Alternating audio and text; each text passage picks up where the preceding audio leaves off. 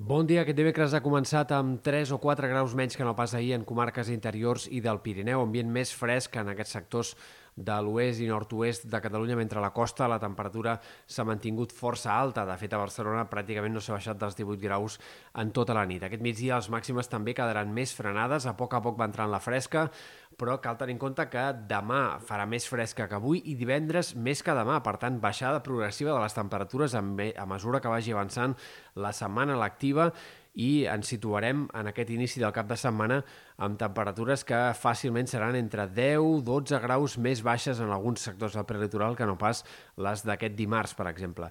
I, per tant, baixada contundent del termòmetre que ens situarà després de moltes setmanes de temperatures de juny amb un ambient més aviat de finals d'abril. De cara al cap de setmana, diumenge, inici de la setmana que ve, el termòmetre repuntaria una mica, però probablement tot, gairebé tota la setmana que ve la passarem també amb temperatures relativament baixes per l'època. Per tant, Ara ens havíem instal·lat en temperatures de juny i cal tenir en compte que ara tornarem a una fase bastant llarga de temperatures bastant més baixes, eh, normals per l'època, val a dir-ho, o en tot cas una mica fresques, i per tant caldrà canviar de forma de vestir durant els pròxims 8-10 dies.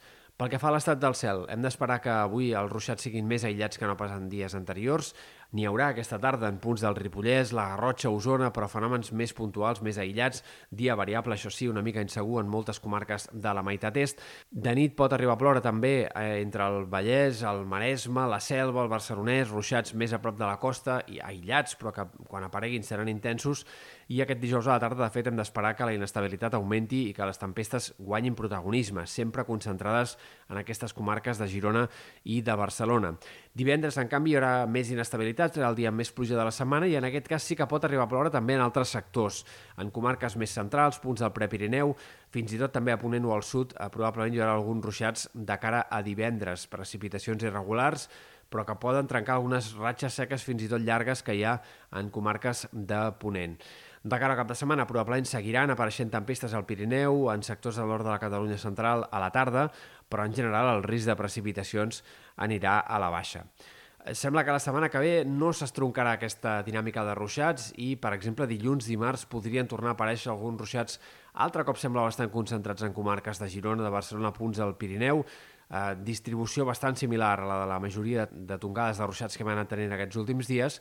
Hi ha incertesa en el pronòstic, però és possible que durant la resta de la setmana vagi seguint aquesta dinàmica d'inestabilitat i poc o molt anem tenint ruixats eh, intermitents i irregulars que vagin regant diverses comarques, sobretot del nord i de l'est, sembla.